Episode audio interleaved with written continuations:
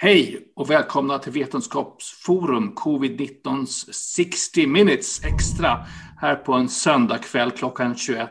Hoppas ni har haft en bra helg allihopa. Jag heter Jan Lötvall, jag är professor i allergologi, allergisjukdomar och dessutom nanobiologiforskare som har jag blivit lite mer på gamla dagar eh, vid Göteborgs universitet och jag har varit aktiv i Vetenskapsforum sista året. Ikväll ska vi ha lite grann av ett tema om försiktighetsprincipen och eh, vad det innebär. Och eh, med oss har vi här Björn Olsen, en kort introduktion av dig själv. Ja, eh, jag tror alla vet vem du är, men du får säga det i alla fall ja, för sakens det är, skull. Det är inte alldeles säkert, men eh, Björn Olsen heter jag. Jag är professor i infektionssjukdomar Uppsala universitet och överläkare i infektionssjukdomar och har sysslat med man kan väl säga, jag har sysslat med pandemier och pandemiska virus, pandemiska bakterier de senaste 25-30 åren. Och även skrivit en bok i ämnet om just pandemier. Eh, och eh, kom in i Vetenskapsforum ganska eller väldigt tidigt, tillsammans med dig Jan. Det var ju, som du säger, ett års jubileum. Ja, faktum är att det var precis ett år sedan, minus en dag, som du och jag spelade in Vetenskapsforums eh, Forum Covid-19 första video. Och eh, vi kan säkert länka till den videon i chatten om någon vill se den nu. Den är en, en minut och 50 sekunder, men eh, spara det till efteråt så, så eh, det var väldigt bra klipp där, Björn. Finn! Ja. Välkommen! Finn har vi haft kontakt med tidigare. Vi har gjort en video också, men berätta lite grann om dig själv. Eh, Finn Nilsson, eh, docent i riskhantering vid Karlstads universitet. Eh, har en medicinsk bakgrund och har sedan hållit på med olika aspekter av samhällsrisker, hur man hanterar dem, hur man kan förstå dem allt från vardagsolyckor till stora katastrofer och, och pandemier och liknande. Eh, vilka strategier som, som finns på ett, på ett teoretiskt perspektiv. Eh, sen är jag epidemiolog i botten också, så att jag har den, det benet med också. Eh, så det är jag. Lite epidemiologi har vi väl i blodet allihopa. Åtminstone har vi fått det. Åtminstone har vi fått ganska mycket epidemiologi i blodet. Ja, jag, jag skrev första peket tror jag 2009 om riktig epidemiologi. Men mm. Finn, du kan väl berätta kort om eh, eh, vad försiktighetsprincipen är och vad den har för bakgrund och ursprung och så vidare. Ja, men absolut. Eh, man kan också lägga till att, att vi har ju skrivit ihop tidigare eh, på olika eh, debattartiklar ungefär ett år sedan. Och en av de första debattartiklarna jag skrev var just på försiktighetsprincipen i mars 2020 eh, i Svenska Dagbladet. Och eh, försiktighetsprincipen är ju egentligen Egentligen får man backa lite grann och så får man ta det till, till osäkerhetsaspekter. För det är egentligen där någonstans det börjar med, med försiktighetsprincipen. Att osäkerheten kring kunskap och osäkerheten kring statistik utifrån det epidemiologiska. Men de här två olika aspekterna styr hur, huruvida försiktighetsprincipen kan komma in överhuvudtaget. Eh, så att det är någonstans där man får börja. Försiktighetsprincipen är ju något som har kommit från, från 70-talet eh, kommer från Tyskland, Forsprungsprincip eller något liknande. Jag kan inte tyska, men det är där någonstans. Eh, och den går egentligen ut på att man ska skydda individer från stater eller stora företag som vill utnyttja eller på något sätt ehm, eh, utsätta individer för risker. Eh, så det, det, är ju det det kommer från. Det kommer från miljörörelsen eh, och finns nu väl inbyggt faktiskt i vår egen eh, miljöbalk också. Där finns den uttalad. Ehm, och, eh, och som sagt, den kommer då från det här med osäkerhet. Att om jag inte har tillräckligt med kunskap om eh, själva bakgrunden till en, en, risk eller om jag inte har kunskap om det statistiska underlaget till en risk, då kan jag heller inte applicera det som kallas as low as reasonably possible, ALAP. Eh, har jag koll på kunskapen kring en risk och det statistiska, till exempel kring influensa. Om jag vet, eh, jag vet hur den fungerar rent medicinskt, jag vet hur den sprider sig, jag vet vem som är mest, kommer att drabbas mest och liknande. Då kan jag ta den risken och jämföra dem med en annan risk, till exempel risken för att eh, lockdown till exempel, om man skulle ta en sån, eller psykisk hälsa av att inte få vara på skolan eller liknande. Och så kan man väga de riskerna, för det är risker vi kan både kunskapsmässigt och statistiskt. Försiktighetsprincipen kommer då in när vi inte har den kunskapen, när vi inte vet om den, om själva eh, sjukdomen eller om epidemiologin så kan jag inte heller jämföra, för då jämför jag äpplen och päron och då börjar jag gissa och det, då kan vi inte ens snacka konfidensintervaller utifrån någon form av epidemiologi, utan då, då är vi ute på, på gissningslekar. Och då finns försiktighetsprincipen för att komma in i det läget. Men det är också nya kemikalier, nya läkemedel, eh, Absolut. all sån typ av...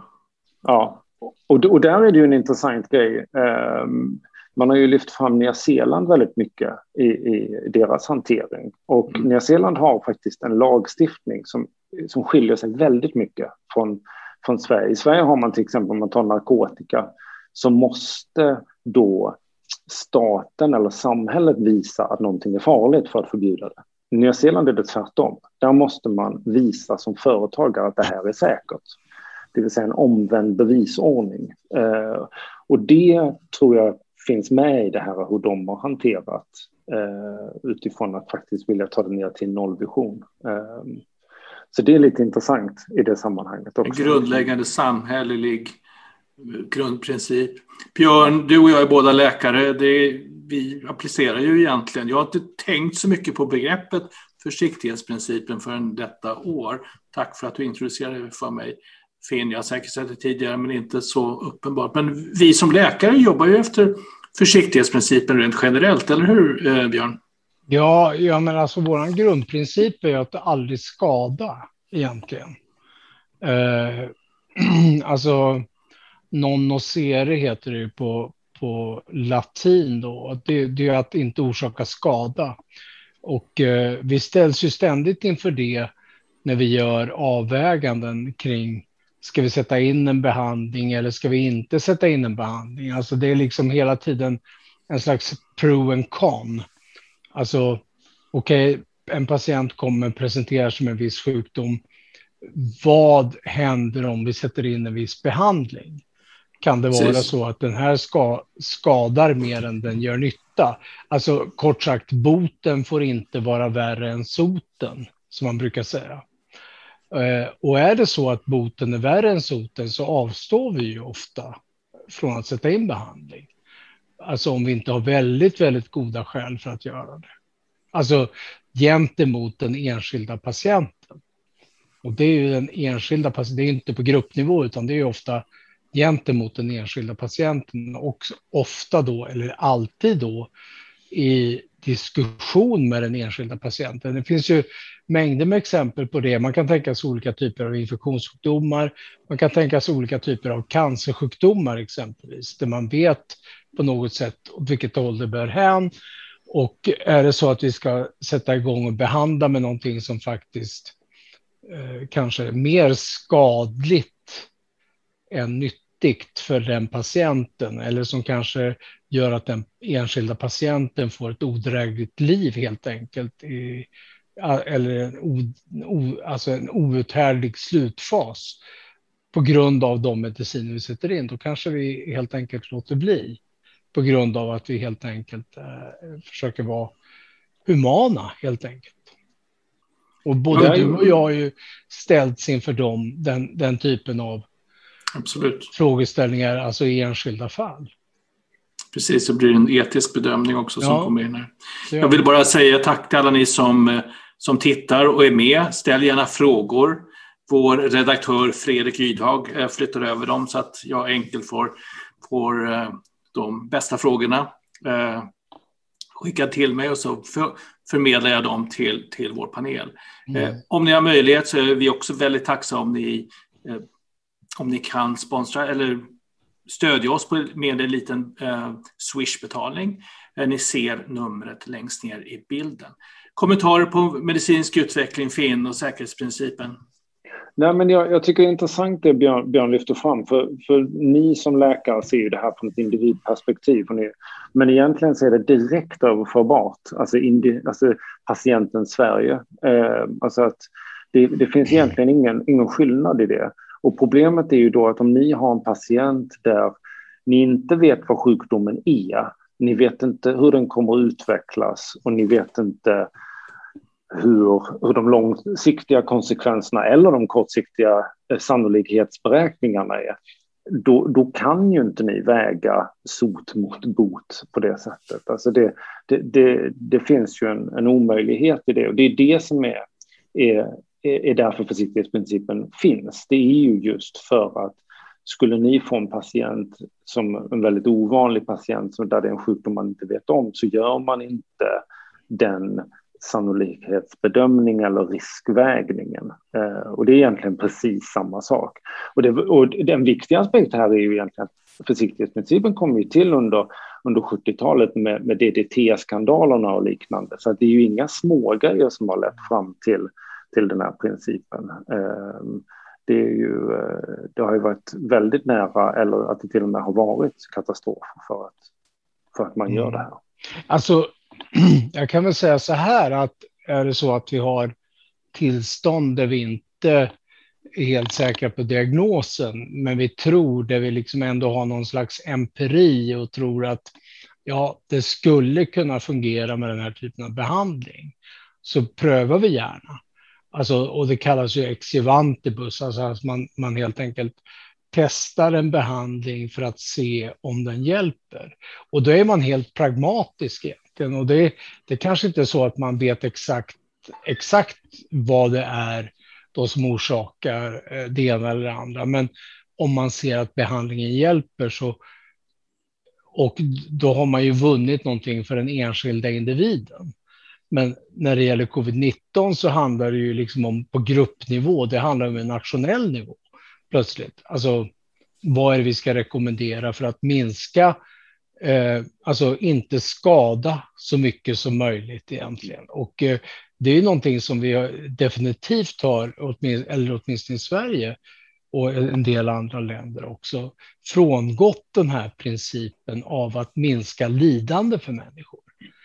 Och många gånger har ju det haft mycket märkliga förtecken. Det kan, vara, det kan till och med vara så att det är politiserat helt enkelt. Att man liksom på grund av politiska hänsyn eller på grund av diverse eh, konstiga förutfattade meningar eller liksom politiskt korrekta meningar inte agerar som man borde utan som man gör. Och det där har ju stört oss oerhört mycket under, den här, under det här året, måste jag säga. Där det är uppenbara saker där hela världen säger att vissa saker faktiskt fungerar eller att det är på ett visst sätt. Och vi har haft en, en, en förnekande kultur i Sverige eh, som har gjort det otroligt svårt att liksom argumentera för det och de som argumenterat för det också då fått stå vid skampålen. Men det är ju det som är det intressanta där tycker jag utifrån med, om man säger med, med nu kom ju WHO och CDC samtidigt ut och, och, och deklarerade att det var aerosol. Ja. Och det är ju någonting som man har misstänkt väldigt länge och det finns väl skäl för att man ska kunna vara liksom, restriktiv med det. Men det som är skillnaden där är ju att WHO har ju redan från början och CDC och liknande har ju sagt att det skulle kunna vara det mm. och därför agerar vi som om det är det. Och det är ju det som är liksom principen i det här. Mm. Att, att vet vi inte hundra procent, men vi, ja, där finns någonting som tyder på att här finns det någonting vi inte har full koll på. Då går vi åt det hållet. Vi tar mm. det säkra före det osäkra. Mm. Och det är väl det som är, är det, det ja, det märkliga egentligen när man mm. då pratar om, om munskydd till exempel, som mm. ju dessutom det inte finns något, något, om vi nu går tillbaka till sotbegreppet, så finns det ju faktiskt inte ens det.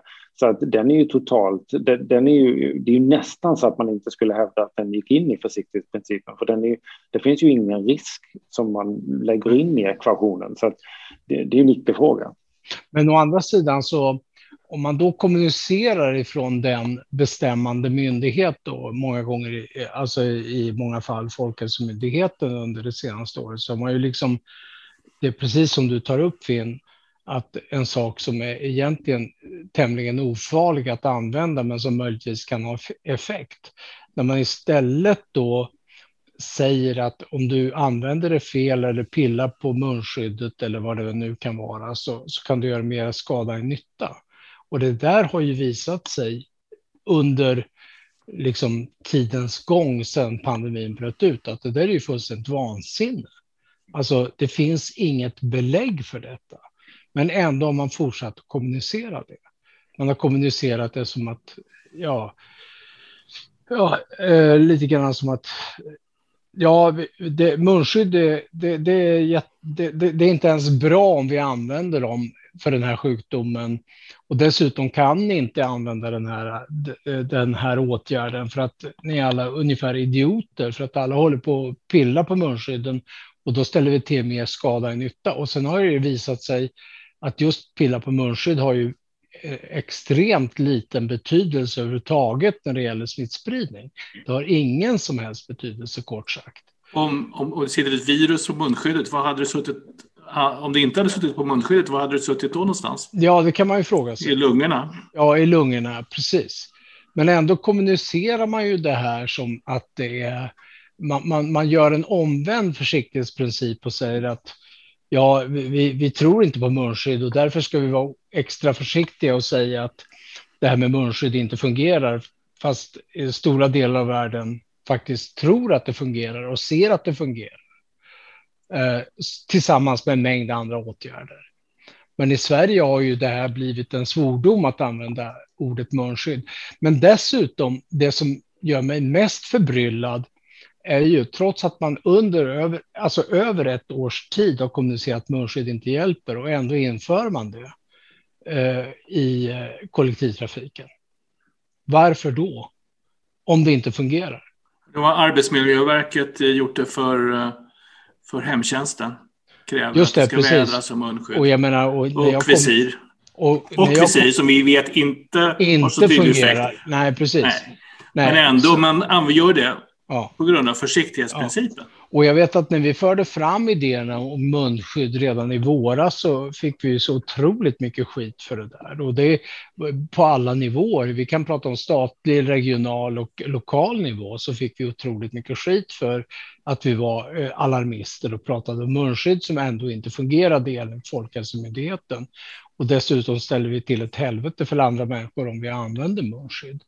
Eh, idag när du går in på Akademiska sjukhuset exempelvis så är i princip alla som bär munskydd. Men ni förstår, alltså clashen där i kommunikationen. Mm. Vi, har, vi har ett problem när det gäller kommunikationen här. Alltså den, den verkställande myndigheten på något sätt kommunicerar ut att munskydd har ingen betydelse eller direkt skadliga. Och ändå så kan man rekommendera från samma myndighet sen att munskydd trots allt kan, ja, ni ska använda det under rusningstrafik i kollektivtrafik. Och tack och lov skulle jag säga så har ju flera regioner och flera sjukhus varit olydiga och helt enkelt infört munskydd. Faktiskt. I strid med Folkhälsomyndighetens egna rekommendationer.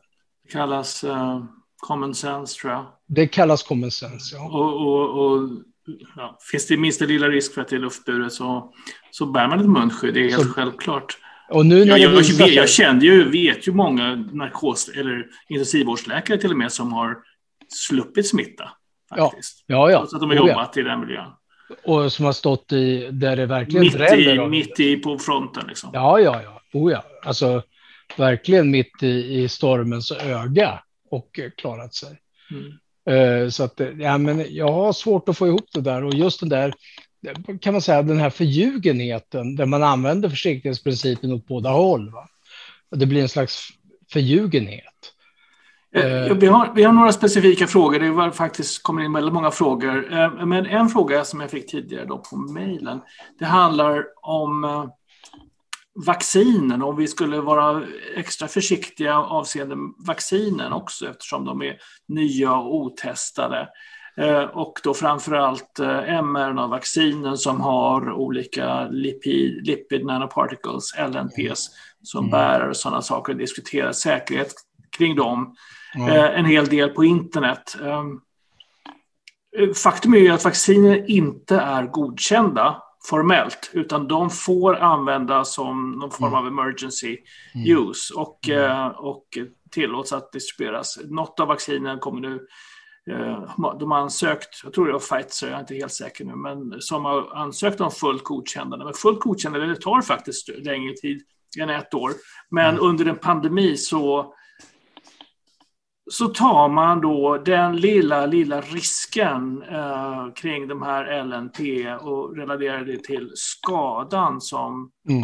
sjukdomen ger. Eh, hur tänker mm. du, Finn? Ja, men jag tänker så här att, att det finns en viss skillnad här som jag tror är viktig. Alltså, det kommer tillbaka till det här med osäkerhetsbegreppet. För att skillnaden är att vi har god kunskap om, om alternativet. Alltså vi har god kunskap om sjukdomen. Vi har god kunskap om vilka risker vi utsätter oss för där.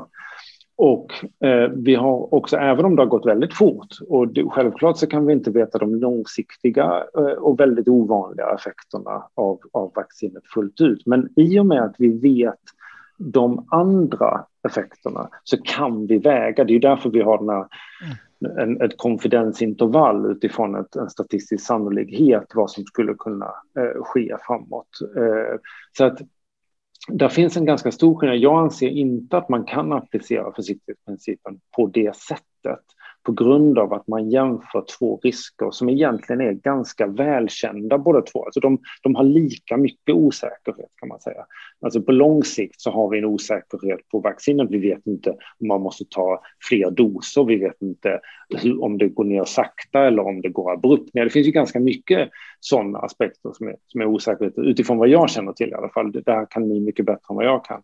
Men sjukdomen vet vi inte heller det. Så att, eh, därför så har vi en liknande osäkerhet och vi kan väga dem och vi kan därmed göra en kalkylerad risktagning. Mm. Där, där, det är intressant utifrån till exempel Astra, så hur man har agerat där och bara det faktumet att man har agerat på det sättet tyder ju på att ja, man har en typ av försiktighetsprincip i den, men det är inte försiktighetsprincipen, om ni förstår vad jag menar. Alltså det, det finns en viss skillnad där.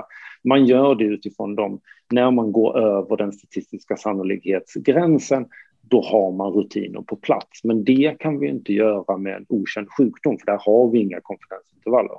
Så att det är två egentligen helt skilda situationer där, där jag, från vad jag har sett, tycker att man agerar riskmässigt helt korrekt med vaccinerna. Mm. Eh, så. Men du, eh, Fen, jag måste bara fråga dig. Eh, jag kommer ihåg debaclet med eh, när vi vaccinerade mot svininfluensa. Mm. Och så såg vi ju liksom inte det här komma. Alltså det var ju vissa länder som drabbades. Det var väl, jag tror det var Sverige och Finland som åkte på det ordentligt va? med narkolepsierna. Men, men, och dessutom så kom ju de vaccinerna in alldeles för sent. För att jag menar, för det första så hade ju, var ju pandemin över i princip när man började vaccinera. Men man var rädd för en andra våg och så vidare. och så där. Hade man kunnat lite om virologi så hade man kanske stoppat den där vaccinationen. Men i, i alla fulla fall. Eh, strunt samma, nu gjorde man det. Det blev en massa tråkiga konsekvenser av det. Eh, och det, håller vi, det har vi inte, ännu inte rätt upp egentligen kan man säga. Men eh, när det gäller de olika typer av vacciner som finns idag. Där vi dels har mRNA-vaccinerna eller vektorvaccinerna som Astra, Janssen och de här, Sputnik och det indiska vaccinet. Och där man ändå, även om det är väldigt, väldigt ovanligt med de här biverkningarna, extremt ovanligt och det är framförallt i yngre åldrar och det är blödningsbiverkningar, eh, så blir det ju eh, när ett vaccin kontamineras, som jag säger så, smittas av den här typen av biverkningar så får man en våldsam motreaktion. Mm. Kanske bland annat på grund av det som hände under 2009-2010 då när vi började vaccinera med med eh, Pandemrix och vi fick narkolepsierna. Um, vad, vad, vad, tycker du om det? Liksom, jag menar, det, det, är den eviga frågan, inte, inte kanske så mycket till infektionsläkare, men framför allt tror jag för allmänläkare som lyssnar på det här, att mm. de får hela tiden frågor, min fru är allmänläkare, hon har hela tiden frågor om just detta kring alltså cost benefit av den här typen av vacciner. mRNA-vaccinerna är nästan ingen som diskuterar. Nej. Uh, nej, men precis. Och, och, alltså, narkolepsin, det var väl det som många av oss som, som håller på med, med risksidan när pandemin drog igång och man visste att det här var ju bara vaccin som skulle sluta det här. Mm. Så var ju det här den stora oron. Uh, det har forskats ganska mycket på, på effekterna av narkolepsi. Uh, mm professor Anne Nander som är på Försvarshögskolan som också sitter i Coronakommissionen faktiskt, är en av mm. dem som har gjort eh, absolut mest forskning på effekterna på folks tillit till vaccination efter eh, den skandalen. Eh, och, och det har ju haft en effekt. Det är ju inget snack om saken att, att, det, har, att det har påverkat. Problemet då var ju att vi faktiskt inte hade, precis som du säger, vi hade inte en risk framför oss på det Nej. sättet. Nej. Vi, vi, det var egentligen en felberäkning eh, med goda intentioner, mm. alltså så, eh, men, men, men ändå en, en, fel, en felberäkning som ju väldigt många andra länder inte gjorde. Vi stack ju ut då också, ska man också mm. komma ihåg, mm. eh, hur vi, vi hanterade den risken, men precis tvärtom. Jag tror ju personligen att det där har påverkat hur man agerat nu också, mm. eh, för man har det, det minnet. Eh, sen finns det ju den här hur man relaterar till risk som person eller som till samhälle. Det där är ett väldigt stort problem.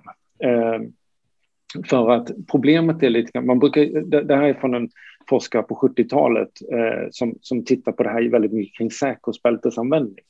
För problemet är med säkerhetsbältesanvändning, så för individen så finns det egentligen, alltså risken att du råkar ut för en trafikolycka där du behöver säkerhetsbältet är så ofantligt liten per körd kilometer.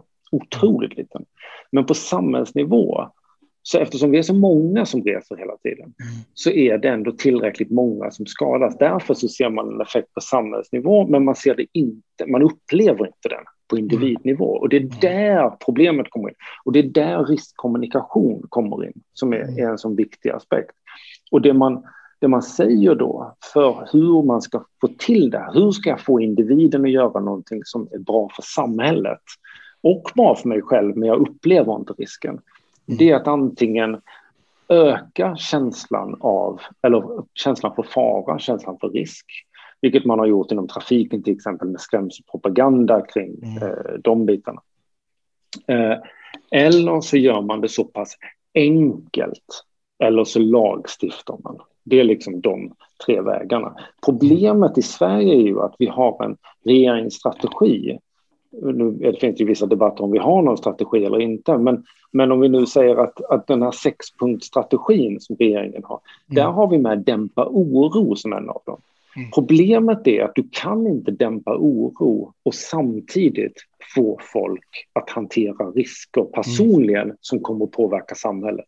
Jag hoppas att ni hänger med på den, ja. den liksom loopen, för den är inte Personliga helt Personliga risker i relation till benefit för samhället. Exakt, eh, och vilket överlag är väldigt intressant att man inte har pratat om solidaritet i den här eh, riskhanteringen mm. överhuvudtaget, vilket man har i andra länder. Det är mm. liksom protect others, protect yourself. Det är den ordningen och inte tvärtom. Mm. Eh, och det där är väldigt intressant, för riskkommunikativt så är det, är det svårt att få till. Och jag är ändå väldigt glad. Vi har ju en enormt hög vaccinationsprocent eh, bland barnsjukdomar och liknande i, mm. i Sverige. Vi är mm. världsledande. Mm. Och narkolepsin verkar inte ha påverkat så extremt mycket. Eh, vilket ju gör att vi verkar ändå, trots att vi har försökt dämpa oron, så verkar vi ändå komma upp i ganska höga procent. Åtminstone i vissa delar av befolkningen. Men vissa delar av befolkningen vet vi att vi inte alls kommer upp i de nivåerna. Och där måste man ha en annan riskkommunikativ in, mm. inriktning mm. än vad man har. Mm. Jag har en väldigt het potatis i min hand här. Får jag slänga, ut den, slänga in den i diskussionen? Och det är nämligen AstraZenecas vaccin och den kommunikation som har skett och kring risker och, och fördelar. Jag hade faktiskt förväntat mig att AstraZeneca själva hade dragit tillbaka det här vaccinet för över en månad sedan. När de här biverkningarna dök upp och dessutom studier från Sydafrika att man mm. kanske inte skyddar så bra mot nya varianter och så. Hur, eh, hur ser ni på det? Snabb kommentar, Björn. Ja, alltså snabb kommentar kan jag säga. Att jag, lätt. Nej. nej. det är inte så lätt och jag är otroligt förvånad, men jag tror att de har målat in sig i ett hörn helt enkelt.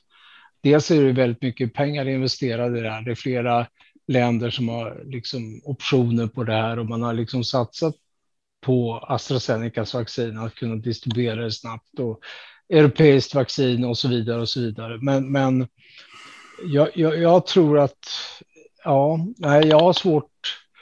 Sverige har ju uppenbart svårt att backa från det här vaccinet. Och jag hade ju också hoppats egentligen på att man hade gjort som en del andra länder, ratat det och faktiskt satsat hårt på mRNA-vaccinerna. Eh, Emelie Widén som är, som är aktiv i disk diskussionerna på sociala medier eh, la upp en post häromdagen och räknade ut att eh, med det flöde av vaccin så kan vi vaccinera stor del av alla vuxna i alla fall fram till september med mRNA-vaccinen. Ja. Och helt enkelt slopa AstraZeneca. Mm. Eh, och det, det, det, tror jag hade varit bra för kommunikationen. Liksom. Att, mm. att, att, nu bryr vi oss om er säkerhet mm. och därför slutar vi vaccinera, vaccinera med det här vaccinet. Håll er, för, håll er försiktiga på det och det och det sättet. Mm. Vi fixar vaccin så fort vi kan. Va? Hade det varit rätt, Finn, tycker du, utifrån ett säkerhetskommunikativt alltså, perspektiv?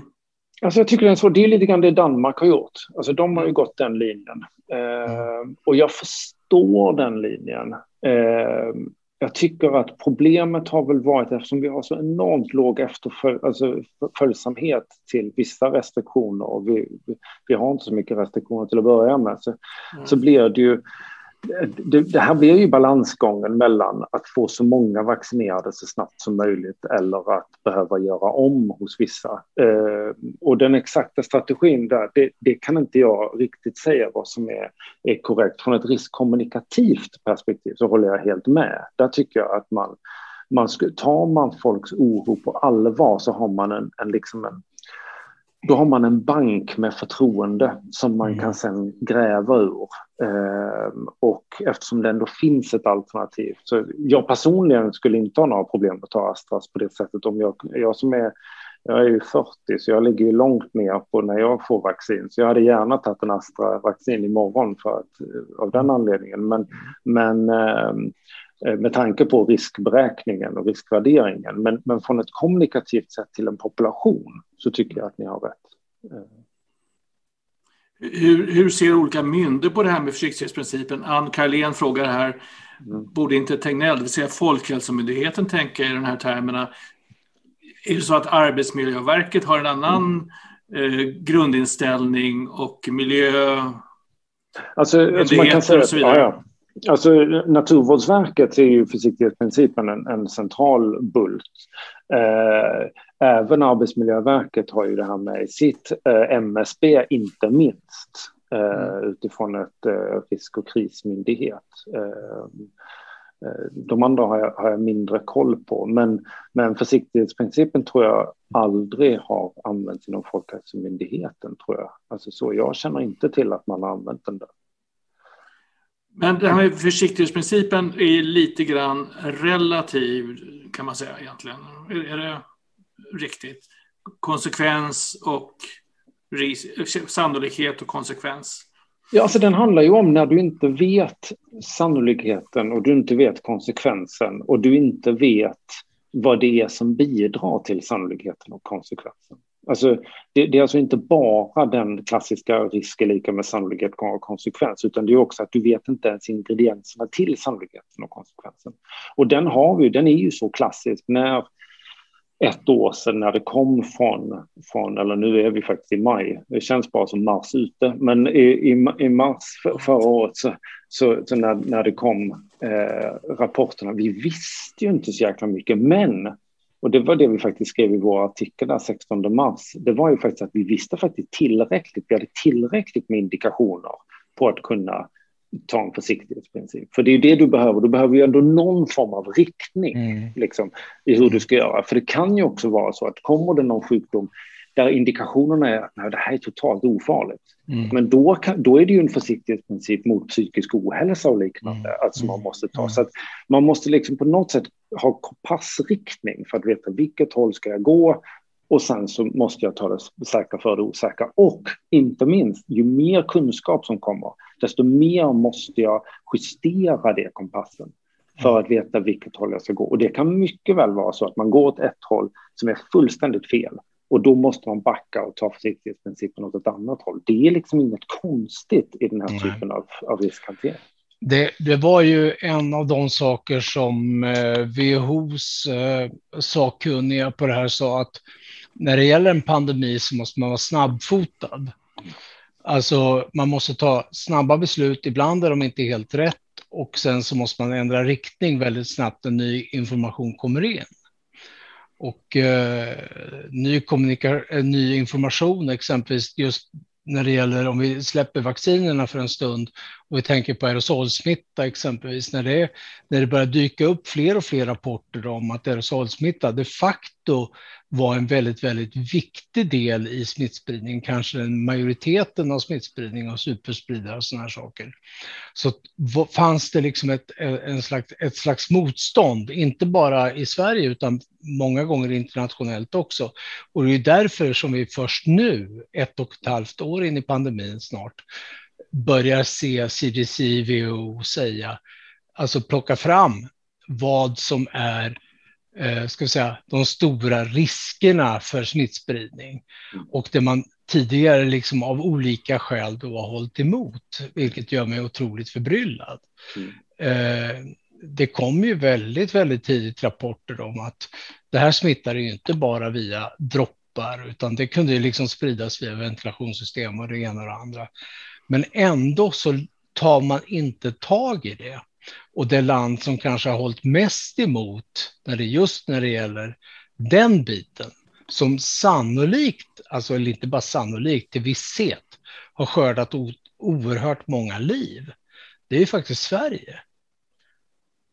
Som, i, i, alltså, som otroligt envist har, har hävdat motsatsen att det här är ingen viktig smittväg, utan vi, vi ska lära oss att tvätta händerna och torka av ytor. En sån sak som vi vet idag inte har särskilt stor betydelse om, en, om ens någon.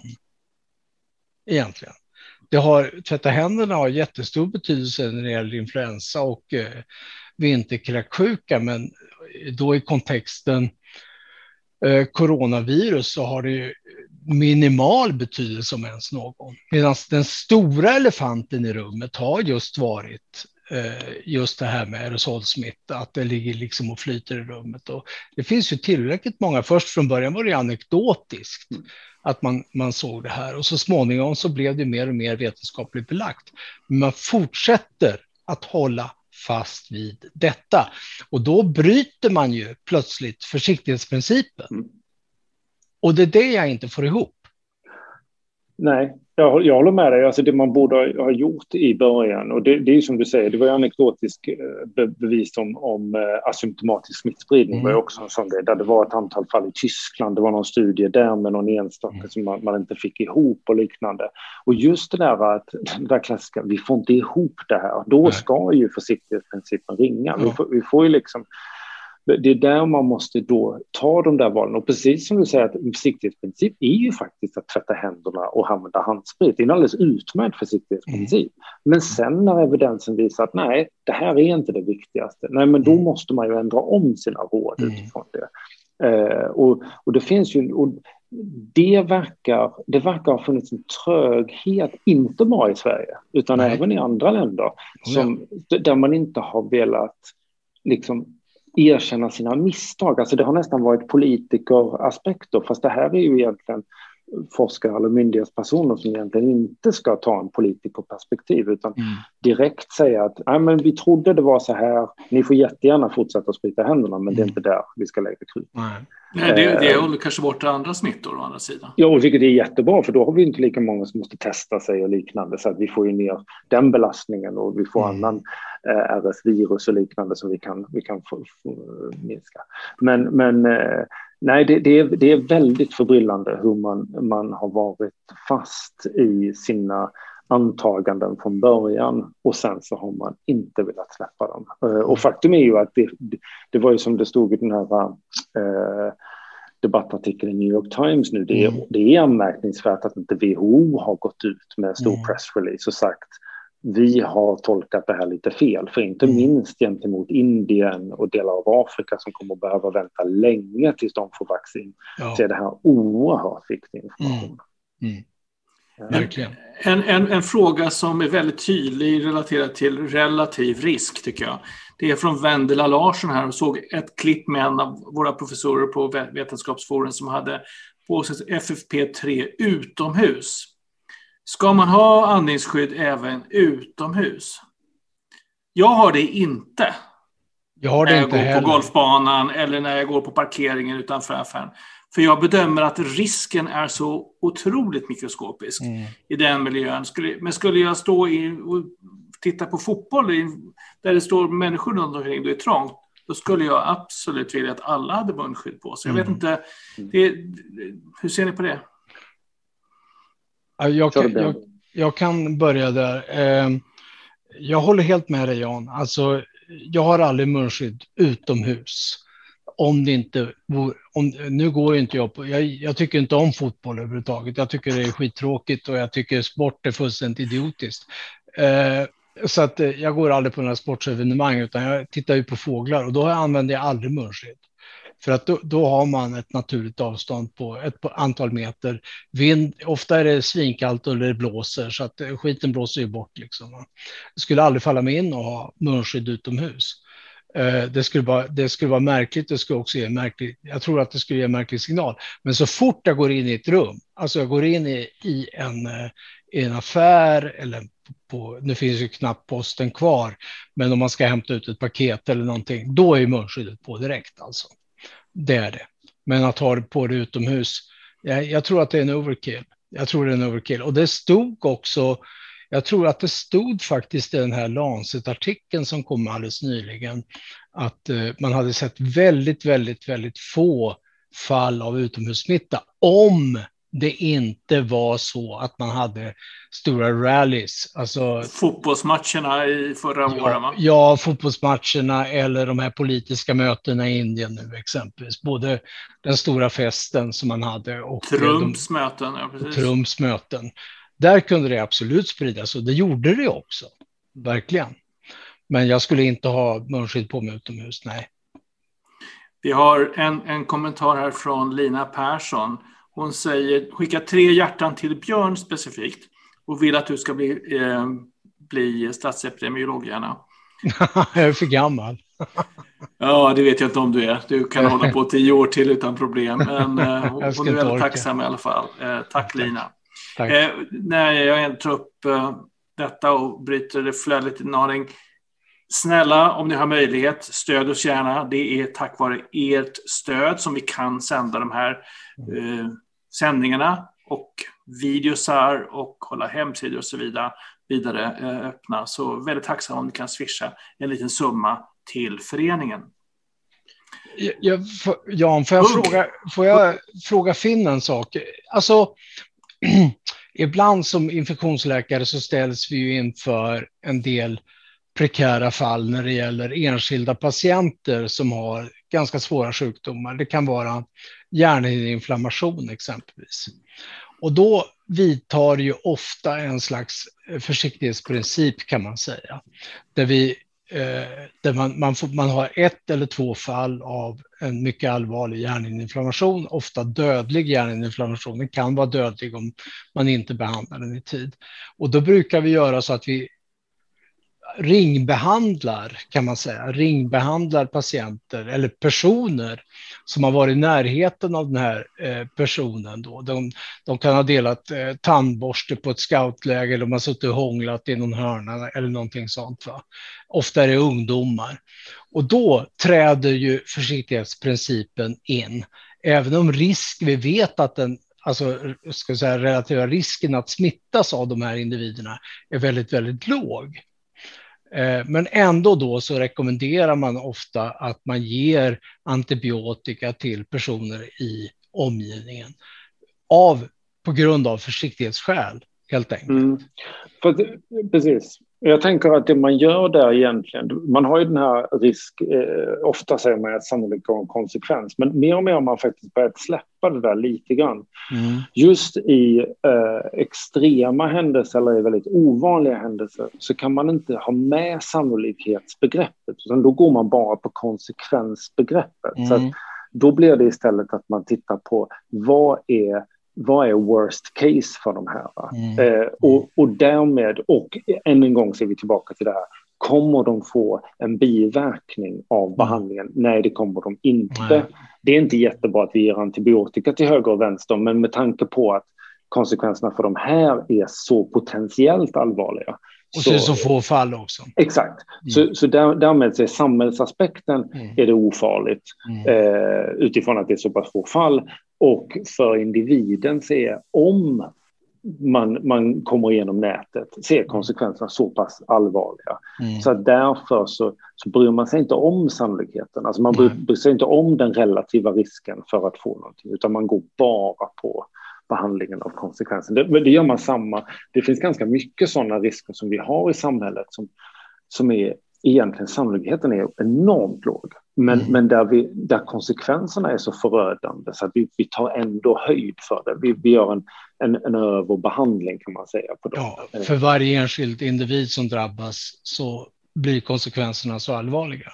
Ja, men det här är skillnaden mellan då till exempel en trafik, mm. vilket det, ja. man, kan, man kan då inte ta samma, samma resonemang på en trafikolycka eller på Nej. en fallolycka eller på ett, någonting annat som händer regelbundet och vi vet hur det ser ut, utan mm. det är ju just de här fallen där det är en extremt ovanlig händelse. Mm. Och då, då kan man ju fundera på jag menar, det, man brukar ju säga det att om du skjuter en person så är du en mördare. Om du tar död på 10 000 så är det en krigshjälte. Eh, det är liksom en, just en, en, en, en, ska vi säga, en, en liten gliring mot krig eller kontra att man tar död på människor. Och det är, där, det är där jag inte riktigt får ihop det här med den svenska strategin. Att vi vet att det finns en mängd olika risker, alltså som faktiskt drabbar väldigt, väldigt många människor. Eh, från början så sa man ju, ja, då, då, då raljerar man lite grann och sa att ja, men det drabbar ju bara äldre. Och nu kryper det längre och längre ner i åldrarna och smittspridningen är betydligt bredare, mycket, mycket. Den slår liksom över generationerna på ett annat sätt. Okej, okay, de allra flesta som dör fortfarande är ju sådana i min ålder och över. Eh, men ändå att man då plötsligt har frångått hela försiktighetsprincipen. Och då undrar jag, Finn, hur tror du att man har resonerat där? Alltså, hur tror du att man har resonerat ifrån myndigheternas sida när det gäller riskvärdering? Jag tror att, att det är en jättebra fråga. Jag tror att det man har gjort är att man har Alltså man har just misstagit sig, och det vet vi också. Det var ju ett antal personer, eh, vi behöver inte nämna namn, som Nej. pratade om att det här var en influensa och ja. att det här skulle sprida sig snabbt och liknande. Mm man var så pass säker, man investerade så pass mycket status i det. Och i och med att man var säker på att man visste vad man pratade om så värderade man då osäkerheter mot varann och tyckte att det var värt det.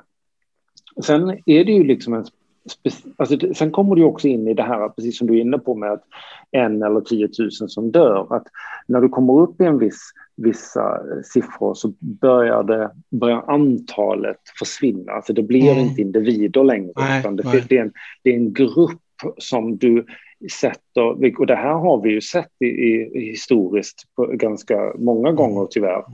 alltså där man sätter etiketter på folk och säger mm. att ja, men det här är riskgrupp, det här är äldre, det här mm. är... Eh, det är ju till och med så att de barnen som har, har varit på IVA och liknande, ja men de har underliggande sjukdom. Det är också mm. en sån begrepp som man har mm. använt för att på något sätt eh, Skulle de vara mindre varför. värda då på något sätt? Alltså, alltså på något sätt så, så, så är det, och det, det, här är någonting som jag har tyckt har varit väldigt intressant för att jag, jag kan inte jag har svårt, alltså dels har jag svårt att förstå det resonemanget rent generellt, men, men jag tycker också det är lite intressant. Jag trodde att det skulle komma en vändning när långtidscovid, som ju mm. drabbar framförallt kvinnor verkade mm. som, och lite yngre kvinnor, som ju mm. är, är traditionellt sett en grupp som vi i Sverige värderar väldigt högt, för att inte tala om barn, där det också har kommit mer och mer rapporter om Kawasaki syndrom och allt vad det, vad det är. Så, så trodde väl jag att den värderingen skulle förändras för att man på något sätt mm. Förhöjer barn mm. på det sättet. Mm. Och det förvånar mig nog mer. Jag är tyvärr inte så förvånad över föraktet mot, mot äldre som man ibland har sett i debatter och diskussioner mm. och, den, mm. och de underliggande sjukdomarna och BMI hit och BMI dit. Det är jag kanske inte lika förvånad över, för det, det, det sker ganska ofta. Men, men att man inte har förändrat när man har sett att barn och och yngre, tidigare friska mm. eh, får långtidseffekter. Det, det är jag väldigt förvånad över. Och det är mm. något som jag, jag, inte riktigt kan förstå hur man... För jag ser också att det skulle vara ett sätt att kunna rädda sitt skinn.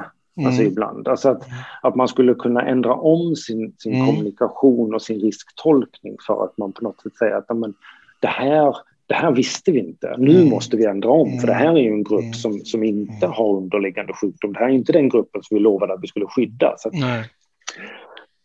så jag, jag, det enkla svaret på din fråga, jag har ingen aning om vad de tänkte, men, men jag, jag, jag fascineras lika mycket som du över att det finns någonting lite udda i det. Um, och det fanns ett antal öppningar där man kunde ha just applicerat försiktighetsprincipen åt ett annat håll för att kunna komma mm. runt det här och mm. skriva om historien mm. lite grann. Och sådär. Jag förstår hur du eh. menar. Jag förstår precis hur du menar. Och eh, det är inte bara udda, utan det, jag undrar om det är någonting annat också, som om det finns vad jag har funderat på, för jag, jag får inte heller ihop bilden precis som du. Jag får inte ihop den.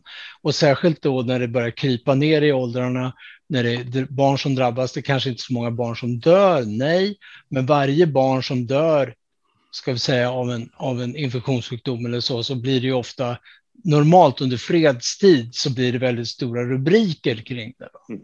Mitt barn dog av det här och det här och så försöker man snabbt hitta en, en syndabock och var gjorde vården fel och var missar vi det här och det här och det här.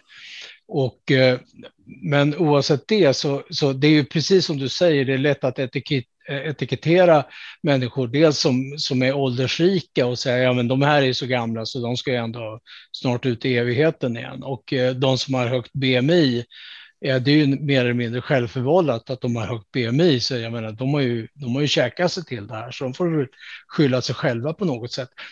Och jag, återigen, då, precis där du tar upp där, att när det då börjar krypa ner i åldrarna, om man dels ser långtidscovid som en faktor, alltså där vi inte har, där vi inte har gjort någon konsekvensanalys av det här. Vi vet inte vad det här kommer att innebära på sikt och vad det kommer att kosta samhället eller någonting och hur många människoliv eller ska vi säga kvalitet, alltså hur mycket kvalitet för människan det här så att säga, kommer att sänka, alltså hur många människor kommer att vara långtidssjukskrivna etc. etc. etc. Och de yngre då som också dör. Va? Och att man inte gjorde en tvärvändning där och säger att ja, vänta nu, nu ser vi en bild som vi inte har sett tidigare. Nu tycker vi att eh, nu bör ni, nu bör ni, inte bör, nu skall ni göra så här nu ska ni göra så här. Ni ska sätta på er munskydd. Ni får inte vara si, ni får inte göra det, ni får inte göra det. Och det är under en ganska kort och begränsad tid som man behöver komma ut med de här direktiven. För vi ska komma ihåg det också att nu kommer vaccinerna på ganska bred front och vi kommer att vaccinera upp stora delar av befolkningen. Någon gång i höst så kommer stora delar av befolkningen vara så att då, då, kommer det ändå ha sjunkit. Och man kunde ha räddat ansiktet på det sättet genom precis att säga det att nu tar sjukdomen, liksom många andra infektionssjukdomar, tar en annorlunda väg som vi inte hade räknat med och som vi inte såg i början. Och varför gör man inte det? Jag förstår. Du menar att det sprids i skolan och så? Som det ja, sprids i skolan, precis. Och jag menar att det var farligt att vara det, det, var, det är liksom plötsligt ett av Sveriges farligaste yrken tillsammans med vården då, att vara lärare. Liksom att många blev sjuka och en del dog mm. också.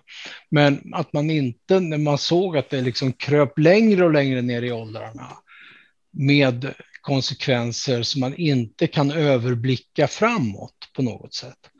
Att man inte eh, tog det som en livboj från myndigheternas sida och säga att nu har sjukdomen tagit en vändning som vi inte såg från början. Och att man liksom inte räddar sig själva den vägen. Jag förstår det inte, utan man håller fast vid den gamla strategin. Vi, vi är på 55 minuter. Jag, jag, tror att vi kommer dra över tiden idag igen. Det är så bra diskussion. Får jag slänga in en liten provokativ variabel i detta? Mm. Ekonomi. Du nickar med en gång, eh, Finn. Ja. Nej, men ekonomin är ju den, är ju den som har spelat. Man har ju spelat den lite då och då. Alltså att man har, har tänkt att är det det som gör att man har tagit ett annan väg. Att, att man, man ser på samhällets ekonomi man har också spelat in folkhälsomålen. De tror jag inte heller man ska helt ignorera hur starka de har varit i att, att spela in. Eh, jag tror inte ekonomin har, har spelat särskilt... Jag, jag, jag har diskuterat det här ganska, med ganska många nationalekonomer. Mm. Eh, och, och det, det, finns liksom inte de gillar ju liksom hård fakta. De är inte de första som spekulerar på olika grejer. Så att jag, jag tror inte, jag tror inte ekonomin har, har varit spelat en roll. Sen, sen, vet vi ju att, att de effekterna som, som det här har fått i form av arbetslöshet och i form av, av de bitarna och, och ekonomisk nedgång, det kommer att ge folkhälsoeffekter. Det vet vi. Och mm. det kan vi räkna på. Eh, däremot så kan vi ju, som du var inne på Björn, vi kan ju inte räkna på effekterna på långtidscovid, för där har vi inte en aning. Eh, det var någon att, rubrik idag som sa att det fanns en miljon i Storbritannien som har långtidscovid. Mm. Och det kommer att kosta. Alltså det kommer Oj, att kosta Det kommer att kosta och enormt mycket pengar. Alltså, vi vet ju exempelvis att de som upplever sig ha eh, och många gånger har exempelvis fästingburna infektioner, alltså mera liksom långvariga tillstånd av fästingburna infektioner eller vad det nu är. Eh, de patienterna shoppar ju runt ganska ordentligt i vården och man räknar någonstans mellan 25 och 30 000 per år per patient. Alltså för att liksom söka vård på olika ställen och få ungefär samma svar. Vi har ingen aning om vad det här är. Va? Eh, eller vad vi ska göra med det. Och Eh, när det gäller långtidscovid så tror jag att vi kommer ungefär hamna i, i samma sits. Alltså det, det, det kommer att, det, och det är en mycket större kohort än de som har fäst, olika typer av, har drabbats av fästingburna infektioner exempelvis. Där, där, kommer vi kunna göra matematik för vi har ju grannländer på både ja, ja. västerut och ja, österut ja. kan, där vi kan, kommer kunna se Eh, och jämföra långtidscovid-konsekvenserna mm. på populationsnivå på ett helt unikt sätt. Mm.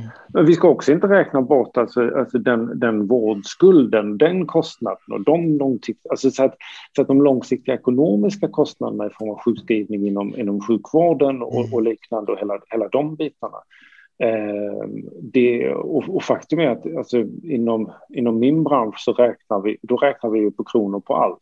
Eh, mm. och, så att även oavsett hur mycket underliggande sjukdom eller hur gammal du är eh, så har man också ett ekonomiskt värde på de dödsfallen. Alltså, mm. Eh, det låter ju hemskt när man pratar om det, men, men det är ju det, det, man sätter ju allting i de termerna för att kunna jämföra, just kunna mm. jämföra risk. Mm. Och, och de här, vad har vi nu, 14 000 någonting, alltså det är ju en, det, det, det är mycket mycket pengar som det har kostat oss i form av mm. vad de bidrar med, hade bidragit med sagt, till ett samhälle. Och mm. det är så man räknar när det gäller mm. ekonomi. Men den ekonomin har inte riktigt räknats in, utan det man har pratat om är en sida av ekvationen, mm. utan att balansera den med andra sidan av ekvationen. Jag pratade med en, en forskare som utvecklat ett läkemedel som botar en väldigt ovanlig sjukdom, 4 till 6 fall i Sverige, varje år. Spinal muskulär atrofi typ 1 man botar den sjukdomen, barn som slutar kunna fungera, inte kan gå och så vidare. Mm. Eh, den medicinen kostar ju då 2 miljoner dollar, ungefär 15-20 miljoner. Jag vet inte exakt vad den betalar i Sverige. Det satsar man på en enskild individ. Mm. Uh, hur, hur, beräknar man kostnad så att säga, för samhället för, för långtidscovid eller andra barn som dör? Jag vet inte hur många barn som har dött nu i, i covid-19, men det är ett antal. Mm. Ja. Jag vet inte heller exakt, men man har ju en, det som brukar kallas uh, DALIs eller QALYs, uh, Quality Adjusted Life Years mm. eller dis Disability Adjusted Life Years. Mm. Uh, och sen har man ju det som kallas ett statistiskt liv, vilket ju det Trafikverket har jobbat med utifrån deras nollvision. Mm. Den har de precis justerat upp. Jag kommer inte exakt ihåg mycket, men den är runt omkring 40 miljoner. Vilket innebär helt enkelt att om en åtgärd på vägarna eh, kostar runt omkring dem och du kan visa att det här kommer att rädda ett liv, mm. då är det samhällsekonomiskt lönsamt. Helt mm. enkelt. Och du kan kosta hur mycket pengar? Eh, jag för mig, don't quote me, men jag tror att det är 40 miljoner. Man har precis justerat upp det i alla fall. Jag för mm. mig att det låg på 18 miljoner tidigare, men jag vet att man har precis justerat upp det. Den forskare jag pratade med han sa att det är ungefär eh, 7 miljoner dollar som ett människoliv är värt då nästan 50 miljoner, kring 50 miljoner kronor. Ja, det är ungefär, ungefär, samma. ungefär samma siffror. Mm. Uh, och vi använder ju läkemedel som kanske minskar dödlighet i vissa sjukdomar med 2% eller någonting sånt där. Mm. Ändå gör vi det för att vi ser den här benefiten. Och det, uh... vi, vi har faktiskt kunnat visa också att, att även att, att förlänga livet på, på någon som är är eh, gravt dement, bor på äldreboende och är, en, bit, en bra bit över medelåldern, är ändå lönsamt. Alltså problemet är ju snarare att det är kommunerna som får ta kostnaderna och regionerna som, som får, får, får tjäna på det på något sätt. Liksom. Mm. Men, men det, det, det rent samhällsekonomiskt, om vi inte bryr oss om vem som håller i plånboken, så samhällsekonomiskt är det alltid värt att rädda liv på något mm. form ekonomiskt. Fram till en viss gräns förstås, mm. men, men, mm. men, men, men praktiskt taget så är det, är det alltid det. Jag såg en beräkning, eh, inlägg i Läkartidningen där det var varje covid-död var ungefär nu kommer inte jag ihåg exakt, mellan fem och sju år i förlorat liv, även mm. om det var gamla som gick bort.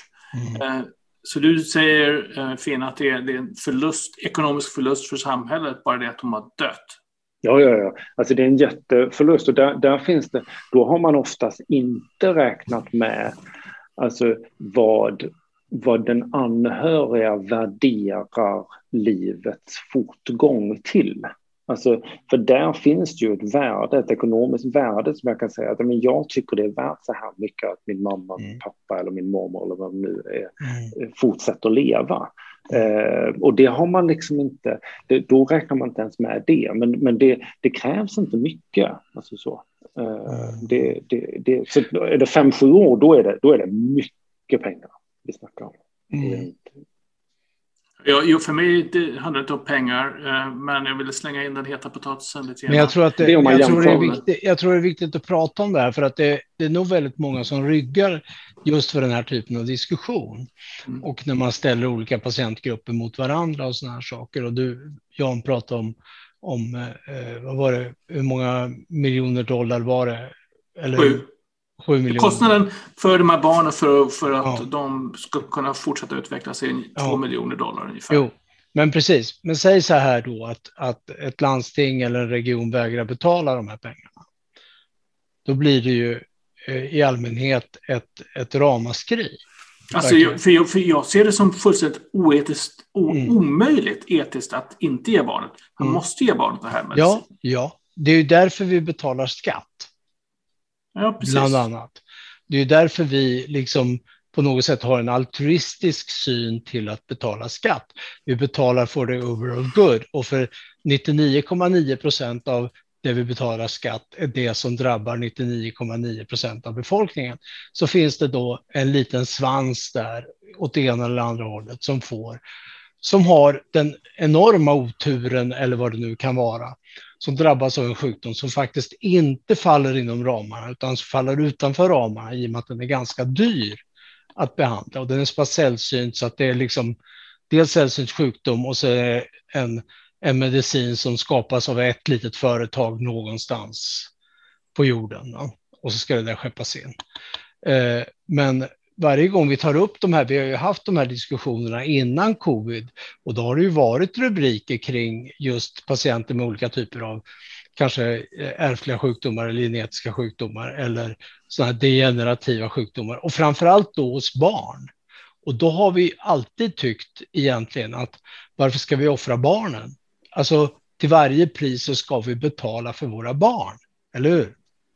Det har ju liksom varit eh, våran spinalreflex egentligen. Och så får vi en pandemi och eh, då plötsligt så får vi många, många, många, många magnituder för, eh, fler som blir svårt sjuka och många magnituder fler som dör. Och då plötsligt när vi börjar prata om kostnader där så, så tror jag väldigt många ryggar för det där och säger att ja, men det här ska vi, det här kan vi inte diskutera kostnader kring. Det är klart vi kan. Visst kan vi göra det. Det är ju det är så det är. Det görs mycket sån matematik på läkemedelsbolag och ja, ja, ja, Trafiksäkerhetsverket uppenbarligen oh, ja, oh, ja. Men, alla möjliga. Ja, ja, visst, visst, visst. Men inte så ofta på Folkhälsomyndigheten tror jag. Vi har, vi har, fått väldigt mycket frågor. Vi har gått till uh, snart 70 minuter istället för 60 minuter som vi oh, försöker sålla oss till. Uh, men jag, har, alla ni som har ställt frågor, tack så jättemycket för frågorna. Kom gärna tillbaka. Vi kommer inte hinna svara på så många. Vi har en till som jag vill prata om för den är väldigt praktisk och uppenbar helt nu faktiskt. Och försiktighetsprinciper för de som har fullt vaccinerade. Hur kan man umgås med vaccinerade respektive ovaccinerade? Inomhus, utomhus, med mask, utan mask? Funger, hon funderar mycket på detta. Jag funderar mycket på detta. Jag, jag, jag hoppas på att träffa Björn vid tillfälle här ganska, om ganska kort tid. Ja. Han är fullvaccinerad. Jag är inte fullvaccinerad. eh, jag ska jag våga träffa dig, Björn? Vad, hur ser du på detta? Vad är, ja. vad är riskerna och ja, hur ska man bete sig? Alltså, ja, ja, på något sätt så är det så att vi sätter in en medicinsk åtgärd som vaccination så måste ju någonstans börja, börja lita på den. Mm. Och är det så att man ska ha två doser så ska man väl ha två doser och sen kan man väl ungefär börja umgås. Jag menar, det, det, jag, jag tror det var Anders Warne som pratade om det här någon gång tidigare, då, att man, man kan ju givetvis plocka upp smittan ändå, naturligtvis. Men om två stycken är fullvaccinerade, risken då att överföra smitta till den andra är extremt låg. Och eh, man kan ju också använda sig av en, eh, en viss grad av sunt förnuft. Jag menar, nu när sommarvädret kommer och så vi kan sitta ute, men låt oss sitta ute då, helt enkelt. Det är väl det. Det är risk och konsekvens som vi pratar om som... Ja, det, alltså det finns Det finns inte... favoritämne. Ja det, fin ja, det finns favoritämne verkligen. Alltså, det, jag kanske ska bolla över frågan till Finn egentligen, men jag tror fortfarande på sommaren och eh, grillkvällar utomhus när det inte regnar. Det, det tror jag ändå är klokt. För att eh, vi, vi kommer ha en jag menar, om du och jag, Jan, träffas och du är fullvaccinerad, jag är fullvaccinerad, tiden har gått och vi har antikroppar och allting, så är ju risken att varken du, vare sig du eller jag skulle ha viruset och föra över det till dig eller mig, ja, den skulle ju ungefär vara, den, den är otroligt låg egentligen. Och, och andra sidan skulle jag säga till Marianne Riltoft att om mm. jag var eh, läkare på intensivvården där vi behandlar massa covid-patienter, skulle mm. jag absolut fortsätta ha munskydd på mig. Ja, ja, det är en annan sak. Ja, det, För då vet det, man att med en riskmiljö. Ja. Det är liksom, risken är mycket större där. Ja, konsekvensen. Ja, eller på en infektionsklinik där du har hög Precis. grad av utsöndring av virus. Verkligen, och där, där kanske inte så många är vaccinerade. Men den där, jag, jag skulle nästan bolla den där frågan. Och sen är det ju också så att vi är så pass vi är ett och ett halvt år in i pandemin, vi är ett halvår in i vaccinationen och det är inte många länder som har vaccinerat sig fullt egentligen, förutom Israel som börjar närma sig. Och 60 fall ju, per dag just nu Ja, bara. ungefär, precis, fall. 60 fall. Ja. Precis, och det är inte 60 dödsfall vi pratar om. Nej, nya fall. Nej, nya fall. Och eh, där man ser en, en enorm nedgång i smittsamhet och dödlighet. Alltså det, det är, helt, det är helt otroligt. Så att jag tror, jag, jag, vi måste tro på de medicinska åtgärder vi sätter in på något sätt. Så svaret till dig Marianne Riltoft, om du är fullt vaccinerad så tycker vi att du kan umgås. Åtminstone utomhus, kanske och även med, inomhus. Gärna med de som är fullvaccinerade också. Gärna i första hand med de som är fullvaccinerade, mm. Mm. men självklart också med yngre generationer. Mm. Som jag, då jag Finn, Finn hör till till exempel. jag får ja. inte umgås med er än. Men, men, Nej, det är precis, det är lite taskigt också. Vi tar det till hösten. Jag tar till hösten. Nej, men jag tänker också så här att, att jag tror att det finns en viktig aspekt av att lita på att, att de här, på vaccinationerna och samtidigt applicera någon form av, av försiktighetsprincip, vilket ju är det som Björn egentligen säger. Och, och sen finns det en, en, annan aspekt också. Det här finns det en, någon form av, jag tycker Joe Biden visar det här ganska tydligt, som är fullvaccinerad men som fortfarande tar så här, försiktighetsåtgärder. Också igen tillbaka till den här solidaritetsaspekten mm. av att mm. på samma sätt som man har begärt att delar av befolkningen som kanske inte skulle drabbas så hårt av sjukdom, att mm. man, man tar de åtgärderna, så tycker jag också på något sätt att det där måste fortsätta. Vi är fortfarande mitt uppe i det här. Mm. Däremot är, man, är det två stycken som är fullvaccinerade och genomgått alltihopa, då måste det finnas en tillit till den medicinska behandlingen på samma sätt som att andra åtgärder som vi, vi, vi sätter in. Eh, men jag tycker att, att eh, jag håller helt med, men jag, jag tänker att det finns en det finns också en, en samhällelig riskkommunikativ mm. eh, aspekt här som är viktig att belysa. Eh, för risken är annars att vi inte får ner mm. den här platån som vi är i nu, mm. vilket jag tror kanske är lite grann att vi nu nu, nu är det liksom, man har lite grann öppnat dammluckorna liksom, mm. för vad, vad man får lov att göra. Eh, mm. Så jag tänker att det finns en viss, viss skillnad där. Men, men absolut, självklart måste vi lita på vaccinen. Ja, men jag håller med dig just kring det här, eh, det, det, kommunikationen mot samhället i övrigt naturligtvis, absolut, och gärna använda munskydd och sådana mm. saker. Och, vi ska komma ihåg, tror jag, att det finns liksom en, också en bortre gräns på det här. Det kan, den kanske ligger ett eller två år tillbaka, framåt i tiden. Och då kommer munskydden åka av och så börjar vi hälsa på varandra som folk mm. igen, va? utan att hälsa på med varandra med armbågarna. Och vi vet ju det, och det kan man ju fråga varför gör vi som vi, varför gör vi som vi gör och inte som vi borde? Så du och jag, Jan, när vi träffar varandra så borde vi kunna hälsa på varandra precis som folk egentligen. För att vi har träffats en gång och då gjorde vi det. Vi, då gjorde vi det. Första ja. gången jag träffade dig fick du en björnkram av mig fast ja, vi inte var vaccinerade. Vi slet oss båda två där. vi hade hållit oss i karantän också. Vi hade gjort det. ja, det hade vi verkligen gjort. Ja. Men, men, men alltså exempelvis när vi vet det att händerna exempelvis inte, jag, jag, tror det kan ta ganska lång tid, det kommer nog ta ett eller två år innan vi börjar hälsa på varandra igen. Trots att vi vet att det här med händer inte smittar egentligen. Det är inte där det smittar. Såvida jag inte har hostat mig i handen och har covid, hostat med handen, hälsar på dig och du kliar dig liksom runt munnen. Det gör man ju hela tiden, det kan man inte låta bli. Jo, nej, det kan man inte låta bli. Men, men, men det, det, kommer liksom dröja ett slag innan det här, innan det här gamla beteendet återtar sin kraft. Och, men, men det kommer att komma, det är jag helt övertygad Ja, vi har haft eh, väldigt, väldigt trevligt. Eh, är det okej okay om vi eh, avslutar nu, bröder? Absolut. Ja, jag tycker det var ett fantastiskt trevligt samtal. Tack så jättemycket till Fen och tack så jättemycket till Björn. Tack alla ni som har lyssnat och ställt frågor. Vi har inte kunnat svara många på många svår, svår, frågor den här gången, men kom tillbaka på tisdag, ställ frågorna igen. Eh, det kommer säkert vara en helt annan panel på tisdag och på torsdag, men eh, frågorna kommer man kunna svara på ändå. Och ni som kan eh, och har förmågan, snälla stötta vår verksamhet som ju sköts av en, ett proffs faktiskt, heltid. Eh, Fredrik Ydhag som eh, är vår redaktör, kommunikationschef eller kalla det vad ni vill. Han är i alla fall eh, guld. Det är han som verkligen ser till att de här sakerna sker. Tack så jättemycket för att ni kom. Vi ses igen snart. Tack och hej. Tack. Tack.